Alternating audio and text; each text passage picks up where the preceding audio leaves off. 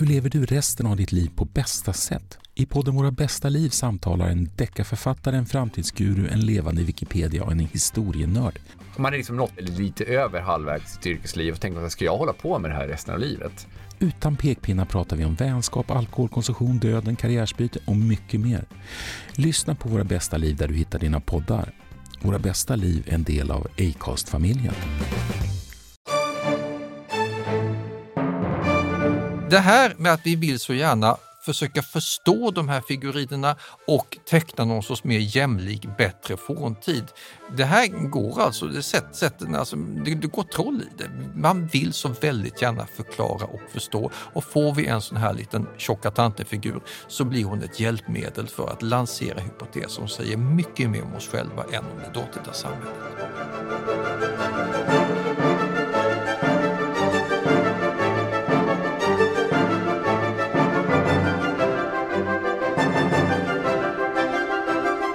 Välkomna till Harrisons dramatiska historia. Mitt namn är Dick Harrison. Jag är professor i historia vid Lunds universitet och mitt emot mig sitter min fru Katarina Harrison Lindberg. Och vi ska nu ta er in i den epok då människan framträdde som kulturvarelse. Vi har tidigare pratat om dinosaurier och varför vi ens har en chans att existera på grund av brist på jätteödlor.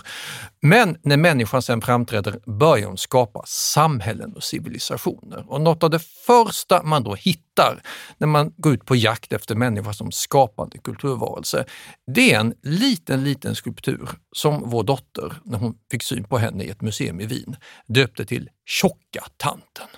Och vad var det vi då fick syn på? Vi pratar naturligtvis om Venus från Willendorf och vi är tillbaka på Naturhistorisches museum i Wien. Eh, som är ett av våra favoritmuseer faktiskt i världen skulle jag säga. Det är ett fantastiskt bra museum. Ja, man kan till och med sitta där framför någon sorts AI-kamera och få en fotografi av sig själv som sen transmogrifieras så att man ser ut som en neandertalare eller en Australopithecus afarensis. Helt fantastiskt museum. Men Venus från Willendorf, hon är så fin och känd så att hon har fått ett eget rum i det här museet. Och det är, lite, det är lite fint att gå in där för man kommer in och så är det alldeles mörkt och så sitter hon i en egen monter. Liksom hon nästan hänger så att hon liksom hänger i det här mörka rummet. Sen är hon ju liten. Hon är bara drygt 11 centimeter, så en dryg, lite drygt en decimeter får man tänka sig då. Och eh, så är hon ju ganska knubbig. Um, ni får googla det. Vet ni inte hur Venus från Willendorf ser ut så får ni googla henne nu. Uh, så att ni förstår hur hon ser ut också. Men det är en ganska knubbig dam. Hon är gjord av kalksten och hon är färgad med röd ockra så att hon är liksom lite tegelröd skulle vi kunna säga i färgen. Och sen är hon väldigt yppig. Hon har tjocka skinkor, tjocka ben, tjock mage, stora bröst, små taniga armar. Eh, hon har inga fötter. Och någon sorts minimal afrofrisyr. Rejält eh, nedklippt. Ja, väldigt lockigt eh, hår. Skulle, man skulle kunna tänka sig att det kanske är flätat eller väldigt, väldigt småkrusigt. Eh, det ligger som en liten pottfrisyr uppe på hennes lilla runda huvud. Hon har inte direkt några ansiktsdrag, men huvudet är riktat liksom lite framåt som om hon tittar ner på sin kropp skulle man kunna säga. Hon är, jag tycker hon är helt bedårande söt faktiskt. Hon är, när Nala kallade henne för tjocka tanten så tänker jag att hon är verkligen alla tjocka tanters revansch i världen. För hon är så himla fin.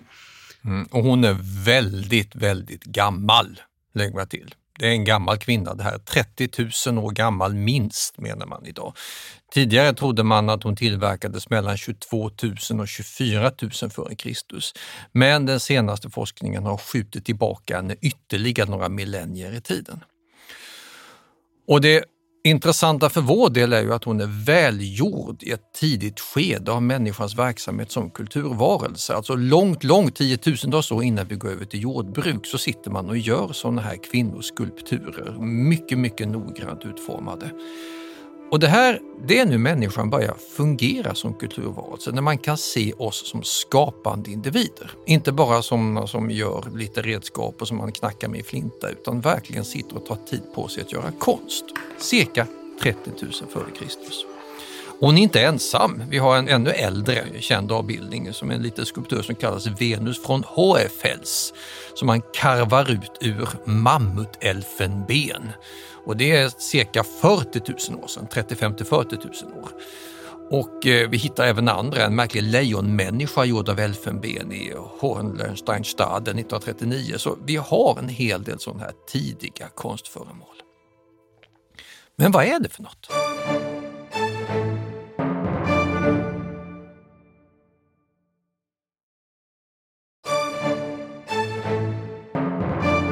Alltså bortsett från att det då är, det är uppenbart att det är en liten fetlagd kvinna med lockig frisyr och att hon saknar fötter. Ja, det är intressant. Hon har alltså inga fötter, skulpturen kan inte stå.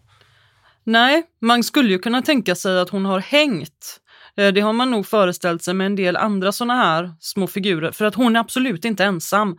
Venus von Willendorf, hon är ju känd, men det finns alltså massor med sådana här små fetlagda kvinnofigurer som man har hittat mm. i eh, framförallt i Europa. Och en del av dem har nog i alla fall varit uppenbart att de kanske har varit hängande, alltså att man har haft dem i något litet snöre eller så. Men man kan ju också tänka sig att hon kanske har suttit fast på något litet fundament kanske. Mm. Men hon har alltså inga fötter, det, det vet vi. Och så märkligt nog har hon inget ansikte heller. Nej. Nej. Och det, har, det här kan vi slå fast. Men bortsett från det här så är det alltså fritt fram för gissningar och hypoteser. Ja, vi kan ju inte veta vad tanken var bakom den här kvinnan egentligen. Om det är fruktbarhets eller kärlekssymbol kanske, eller hur, hur ska man tolka namnet Dick? Ja, nej men Venus är ju då den gamla romerska kärleksgudinnan och när man satte namnet Venus från Willendorf, det är då 1908, det är då man hittar henne, då var det här eh, lite patriarkaldumt ironiskt menat, den här lilla tjocka tanten från stenåldern, ja, Venus från Willendorf. Det, var, eh, det, det är alltså lite eh, dumt-twistat med det. Man tycker ju inte att hon är snygg egentligen utan det här är så man, alltså Venus från Willendorf, ja, så tyckte man då, lilla gumman. Det är lite den unkna stämningen över det när man sätter namnet på det och det har också blivit kritiserat senare att så här, det är inte riktigt schysst mot henne. De jämför henne med Botticelli eller något sånt där? Ja precis och då vinner Botticelli med hästlängden för det är ju en skönhetsdrottning från renässansen om man tittar på Venus födelse. Men det här det är alltså klumpiga stenåldersmänniskor som inte vet bättre. Det är lite, lite så här patriarkalt och paternalistiskt mot stenålderns smak. Men namnet fastnade. Venus från Willendorf, det är, det är ett etablerat faktum. Ja, väldigt tradig inställning måste jag säga, för hon är, jag tycker hon är jättefin. Ja, tjocka tanten är ja, fin. Man har också tanten. menat att det kan vara en avbildning av Moder Jord. Och man har länkat det till att det kanske en gång i tiden fanns någon sorts kvinnomakt och mångudinnor och mäktiga matriarkat där hon kan ha varit en symbol eller kanske till och med en avbildning av en härskarinna. Men ingen vet ju, ingen har en aning.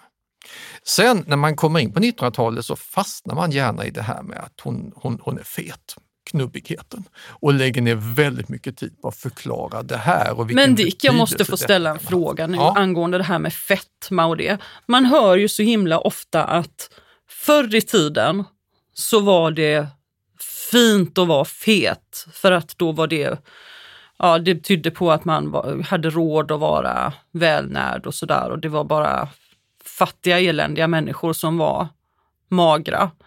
Hur är det med detta egentligen? Kan inte du köra? Har fetma varit ett skönhetsideal? Ja, har fetma jag... varit ett skönhetsideal ja. någon gång? Kan nu, du... nu ber du mig att dicka ja, nu mig. ber jag dig. Kan, kan du berätta för... Hålla långa föreläsningar och berätta hur det ligger till. Ja. Andra kallar det för mansplaining, vi kallar det för att dicka sig i vår familj. Ja. Vanliga svaret är att visst, fetma har ofta betraktats som tjusigt, sexigt och allmänt eftersträvansvärt, särskilt på 1600-talet. Detta kan man läsa i många böcker. Det är inte sant. Om vi granskar argumenten närmare finner vi inga belägg för det här överhuvudtaget när det gäller vår västerländska kultur. De personer som har uttalat sig i frågan har nästan alltid uppfattat fetma precis som vi, nämligen som ett hälsoproblem. Antika läkekonstens fader Hippokrates, han konstaterade att fetma är en sjukdom, inte bara i sig, utan också så att den leder till andra sjukdomar. Inom kulturens sfär har man i alla kända faser av vår västerländska historia drivit med och gjort sig lustig över feta personer, menat att de är löjliga, eller inom kristendomens medeltida kultur syndiga, jag menar frosseri, eller bara allmänt misslyckade och patetiska. Och sådana exempel finns i det antika dramat, alltså komedierna på romersk tid. För att inte tala om i alla kyrkomålningar av de sju dödssynderna. Där hittar man feta frossare som sitter och vräker i sig mat och sen naturligtvis får sitt välförtjänta straff ner i helvetet. Så finns... fetthatet, det är ganska fett, grundmurat fetthatet alltså? och fettföraktet är grundmurat. Så mitt favoritexempel är från John Gowers latinska dikt Vox Clamantis skriven i England på 1380-talet för att verkligen läxa upp moraliska eh, dumskallar i dåvarande England. Han beskriver hur alla syndare ser ut efter att de har legat och ruttnat i jorden i några år som lik. Och när han kommer till frossaren, då är det verkligt äckliga skildringar av hur feta människor ligger och fettet blir uppätet av maskar och ormar krälar runt. Alltså det är verkligen verkligen så att man slutar läsa efter ett tag för det är så äckligt. Det är alltså inte en bild som framhäver fyllighet som ett skönhetsideal. Tvärtom, det ska undvikas. Ja, bakom den uppfattningen att fetma trots detta har uppfattats som vackert, att man verkligen trodde det, ligger en strukturell företeelse. Det normala var ju att folk aldrig hade möjlighet att bli överviktiga eftersom de snarare riskerade att svälta ihjäl hela tiden. Före 1900-talet var undernäring ett folkhälsoproblem. Man riskerade svält så fort det var missväxt på hösten, ja framåt april och maj, dog folk. Det var bara de förmögna, den lilla minoritet av mänskligheten som hade råd att äta och dricka mycket och gott. Det var bara de som riskerade att bli tjocka. Alltså inbillade man sig i modern tid, på 1900-talet, att det var något man såg upp till. Tänk att vara så rik att man kan bli fet. Och då blir fetma tecken på rikedom och tecken på makt, alltså har folk trott tecken på skönhet.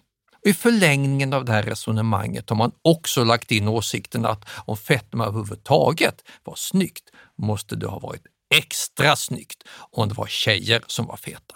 Kvinnlig fetma måste uppfattas som ännu mer exklusivt än manlig eftersom karn familjeförsörjaren tydligen hade råd att låta hustrun sitta där hemma, slippa arbeta och äta sig smällfet. Alltså signalerade detta att han var framgångsrik och hon också.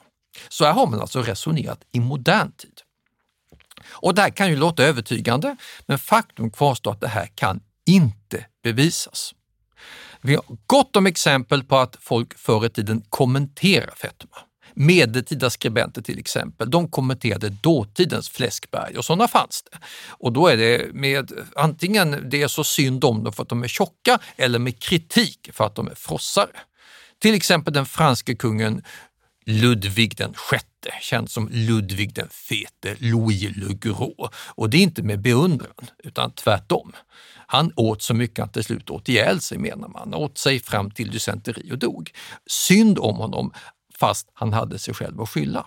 Deras fetma uppfattas som ett bekymmer, ett hälsoproblem, ingenting värt att efterlikna.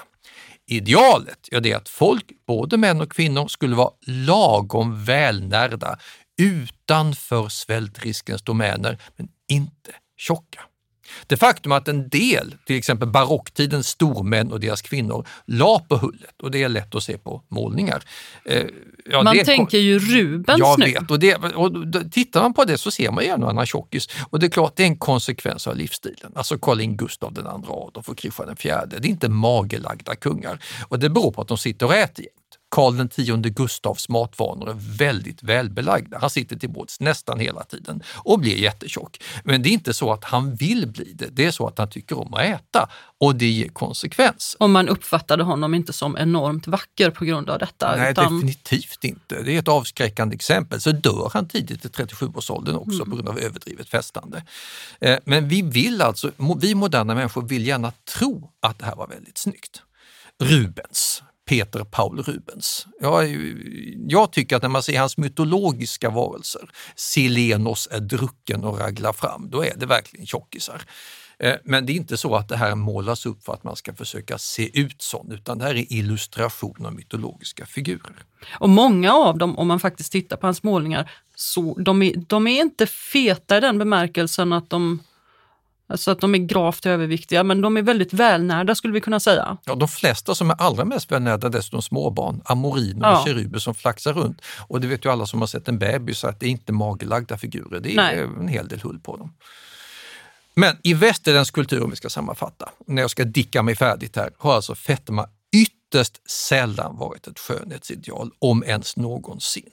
Men om vi vänder blicken mot andra kulturkretsar så är det inte alls svårt att hitta belägg för att tjockisar har haft hög status.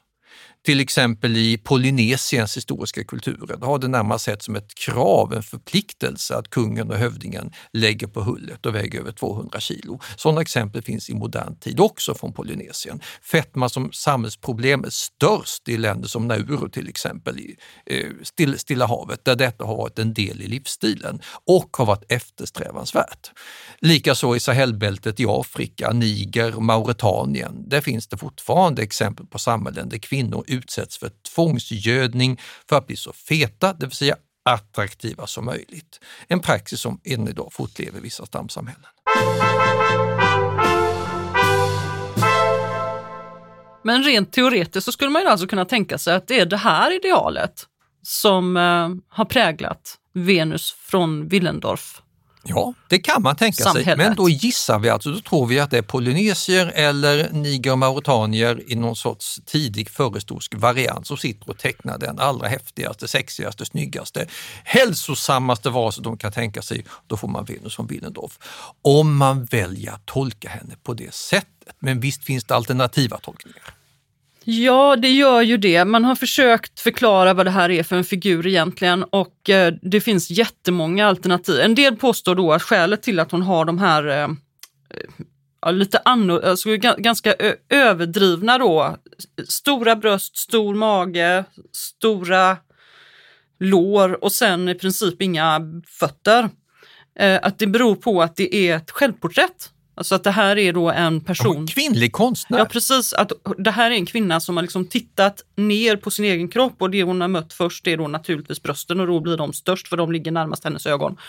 Um, jag vet inte om det är en hållbar hypotes, men det har sagts i alla fall. Det förklarar kanske inte varför hennes rumpa är jättestor. Kan det vara porr? Stenålderspornografi? Har folk hävdat det? Ja, det har man nog också påstått. Och och det är klart att då har den varit spridd eftersom det finns många så, så det är någon som då har suttit och under lång tid som har gjort de här.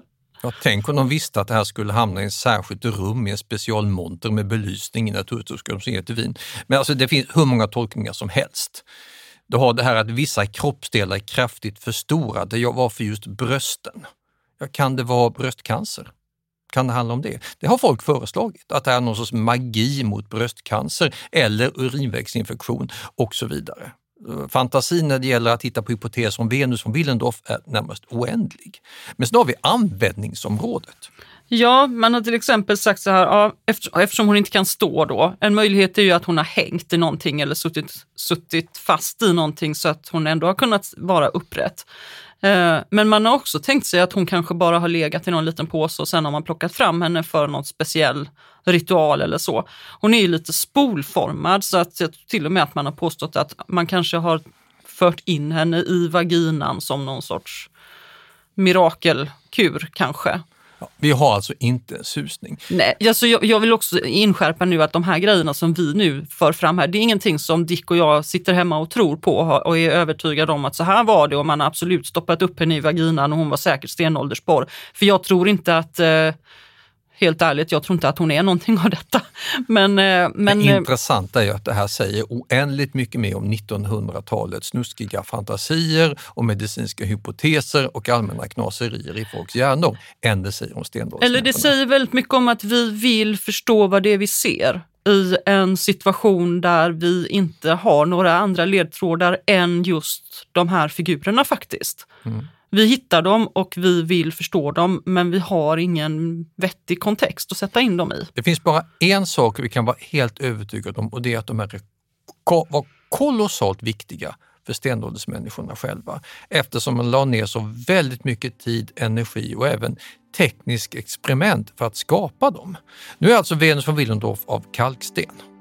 Men flyttar vi oss till hennes systrar för sådär 25-29 000 år sedan så hittar vi även ovanligt, alltså mirakulöst tidiga exempel på keramik. Alltså långt, långt innan vi får avancerad keramik på sånt som alltså krukor och glas och liknande så hittar vi alltså keramikskulpturer föreställande sådana här kvinnor. Ett av världens allra äldsta kända keramikföremål överhuvudtaget är just en sån här Venusfigurin, eller modegudinna som man ibland kallar henne, som man hittat utanför Dolny Vestonice söder om tjeckiska Brno. Den är sådär 29 000 år gammal. Det är alltså oerhört mycket mycket tidigare än all annan keramisk tradition som man kan hitta. Alltså när man tittar på världens äldsta krukor, då är det 10 000 år senare från Östasien. Så har man alltså suttit och experimenterat sig fram till keramiska traditioner långt innan man sätter igång med krukmakeri. Och det vittnar ju om att det här måste ha varit jätteväsentligt.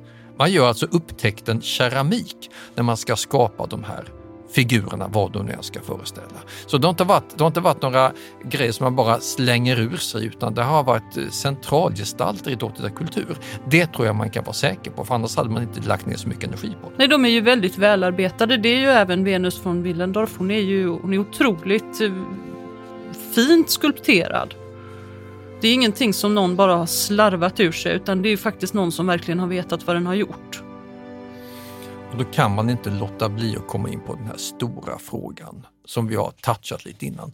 Om det här, vilket många hypoteser kommer fram till, är någon sorts rester av ett forntida kvinnovälde. Att det här är det gamla urmatriarkatet när kvinnorna bestämde över kulturen och samhället innan männen tog över. Kan det bevisas att det har funnits ett sånt? Ja, så det här är någonting som man ofta får frågor om eftersom det dyker upp i populärkultur så väldigt, väldigt ofta. Eh, kvinnorna härskade förr. Månens gudinnor, modegudinnorna, sen kom de krigiska männen och tog över. Stämmer det? Och kan i så fall Venusfigurerna med Venus från Willendorf i spetsen vara beläggen för det? Men nu är det om man tittar på den äldsta litteraturen.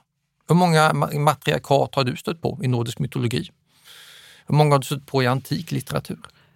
Nej, men man stöter ju inte på dem direkt. Nej. Man hör om amazonerna. Ja, som någon sorts konstigt folk som lever långt borta som grekerna berättar skräckhistorier om eller fantasihistorier om. Men de finns alltid någon annanstans. I Ukraina till exempel bland skyterna. Det är inte så att du har en amazonby runt om hörnet. Tittar du på Gamla testamentet som är ärkepatriarkalt, alltså Gud skapar Adam och sen rycker han ut ett revben. Varje gång vi hittar skildringar av någon sorts genusordningar och könsmakt så är det mannen som är normen och bestämmer när man väl börjar nedteckna skrifter. På samma sätt förhåller det sig då med de här sinnrika hypoteserna om eh, matriarkatet och hur mannen ska komma till att bestämma. Vi har alltså inga belägg alls med sådana här indicier. Och när man då hittar de här figurinerna så tänkte då många att det här kan visa på vad som fanns dessförinnan.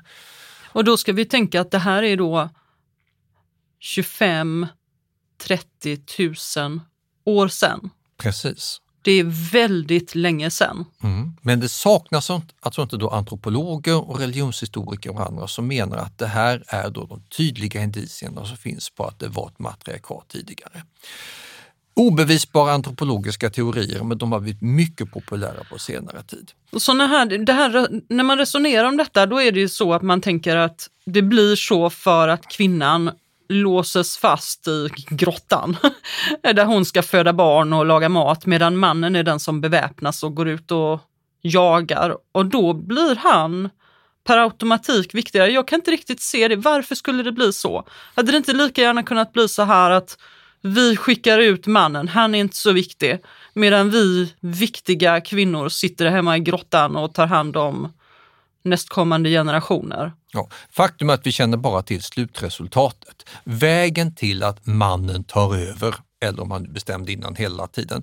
Den är alltså, gott, alltså, är alltså helt alltså, överfylld med obevisbara antropologiska teorier och framförallt förutfattade meningar som vittnar väldigt mycket om forskarna själva. Ta den här åsikten att det var mannens större muskelstyrka som förutbestämde honom att ta sig an rovdjuren och andra fysiskt krävande faror, medan kvinnans biologiska roll som barnaföderska band henne vid hemmet och härden. Ur denna arbetsfördelning skapar man sedan samhällsroller under stenåldern. Mannen blir jägare, kvinnan samlare och hushållare. Men vad har vi för bevis att det var så? Inte ett enda. Man har gjort försök att titta på hur schimpanser gör. Alltså har de könsordning hos schimpanser? Men alltså det säger oss ingenting om hur människorna har. Nej, schimpanser är ju schimpanser. Precis. Och det här med att vi vill så gärna försöka förstå de här figurinerna och teckna någon sorts mer jämlik, bättre forntid. Det här går alltså, det, sätt, sätten, alltså, det, det går troll i det. Man vill så väldigt gärna förklara och förstå och får vi en sån här liten tjocka tantefigur så blir hon ett hjälpmedel för att lansera hypoteser som säger mycket mer om oss själva än om det dåtida samhället.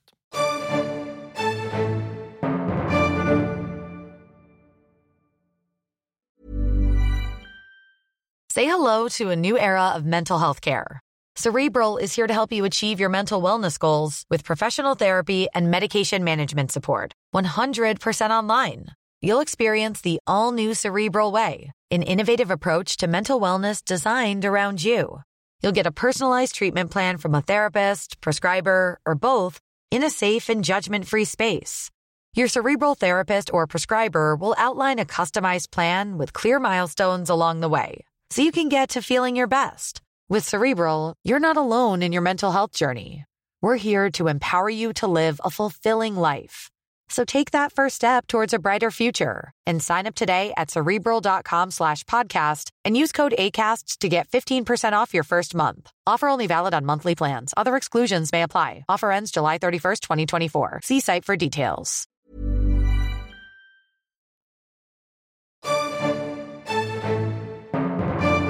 Så vad kan vi då säga om Venus? Om vi ska sammanfatta henne och hennes systrar. Jag tycker att en viktig, det, någonting som är viktigt som vi inte riktigt har fått med här känner jag, det är att hon är en av jättemånga. Och jag tror att skälet till att hon är så känd, det är att hon hittades precis i rätt eh, ögonblick. Hon hittades 1900, 1908. Eh, och det var en väldigt spar tid för eh, historia och arkeologi. Att saker och ting som hittades i slutet av 1800-talet, början av 1900-talet, det är det som har blivit väldigt mycket av vår historiekanon. Det som vi lärde oss då, det har väldigt mycket hängt kvar faktiskt. Hade man i det läget hittat en Venusstatyett någon annanstans så hade det istället varit henne vi hade suttit och pratat om här idag. Tror du Ja, inte det? Historia skapas ju inte så mycket, hur sjukt det än låter, av historien själv, utan av oss som katalogiserar den och sätter den på pränt. Och just sent 1800-tal, tidigt 1900-tal, det är då den lärobokskanon instiftas, de museer grundas, eh, de berättelser skapas som vi har med oss idag och som formar vår värld och vår syn på vad som hände- hände förr. Det är då man skapar historiens kändisar. Jag menar, vi kommer i ett senare avsnitt att ta hand om Tutankhamon, alltså de kända egyptiska mumierna. Han hittades också vid hittades den här också tiden. vid den här tiden, vid decennierna kring förra sekelskiftet. Och de blev inte bara historiska kändisar utan de kom att definiera forntiden väldigt effektivt. Och den här lilla fascinerande skulpturen, jag låtsas att hon hade hittats på 1700-talet tror jag inte att hon hade varit lika känd. Då hade hon hamnat i något kuriosa-kabinett om hon inte bara blivit bortkastad som någon konstig liten docka som folk har lekt med, kan man ha trott. Men nu hittas hon vid precis rätt tillfälle och då blir hon speciell och då vill folk försöka fånga henne och förklara henne och sätta in henne i alla möjliga sammanhang. Det är ju faktiskt så här att just det här sitter vi hemma och skämtar om ganska ofta när vi skriver våra böcker. Om vi ska skriva om någonting och så, och så börjar vi fundera på men hur länge har man hur länge har man tänkt så här då? Hur länge har man tyckt så här? Och det är nästan alltid så att vi hamnar, ja det här har man trott sedan början av 1900-talet eller mitten av 1800-talet. Men innan dess så har vi ingen aning om vad folk tänkte och trodde. Nej, vi har ju massor av exempel i vårt eget land också. Jag menar svenska flaggan, röda stugor.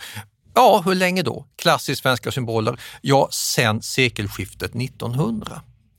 Så Venus från Willendorf hade tur som blev upphittad vid precis det här tillfället och idag så är hon någon sorts symbol för den starka kvinnomakten i förhistorisk tid och för människans inträde på den konstnärliga scenen. Och då kan man säga att vi hade tur att det blev just Venus från Willendorf. För det är ju trots allt en fenomenal liten skulptur. Det har verkligen varit en skicklig konstnär. Ja, det är det. Alltså, ska jag, jag tycker att hon är en av de finaste av de som, som vi har tittat på nu inför det här avsnittet. Ehm, men, för att, men alla är lite lika henne. Ehm, de kan vara liksom, här, lite längre, lite kortare, lite större, lite mindre. Men, men det här att de har ganska små huvuden, inte så mycket till fötter och att de är lite spolformade i, i, i, i utseendet, det, det har de gemensamt. Och ganska stora bröst och rätt mycket rumpa och eh, lite tydliga könsdelar brukar de ha också. De var inte buskablyga på stenåldern utan de eh, satte dit nu grejerna så att de syntes. låtit poddlyssnarna bli lyssna och intresserade. Då måste man ju tyvärr åka till Wien om man inte nöjer sig med att titta på henne på sin dator. Och om ni tar er till Wien så är det alltså i Naturhistorisches Museum, Naturhistoriska museet, mittemot Konsthistoriska museet där de har alla de här fantastiska brögeltavlorna och dit brukar alla gå. Och det är också ta, ett fint det är museum. Ett jättefint museum. Men ta oss Naturhistoriska, gå upp för en trappa eller ta hissen, passera dinosaurierna, ta till vänster och där har hon alltså ett eget rum för sig själv helt mörklagt och det glömmer man inte när man har varit inne i det.